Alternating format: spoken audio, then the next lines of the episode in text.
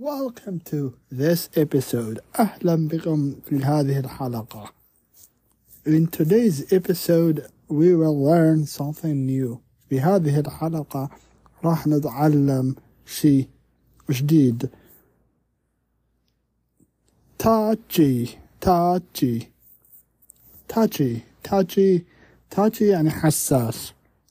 لا تكن حساس. Don't be touchy. لا تزعل بسرعة لا تزعل بسرعة Don't get angry quickly Don't get angry quickly Don't be touchy Don't be touchy لا تكن حساس Are you touchy? هل أنت حساس؟ No, I'm not touchy. I don't get angry when people talk about my style.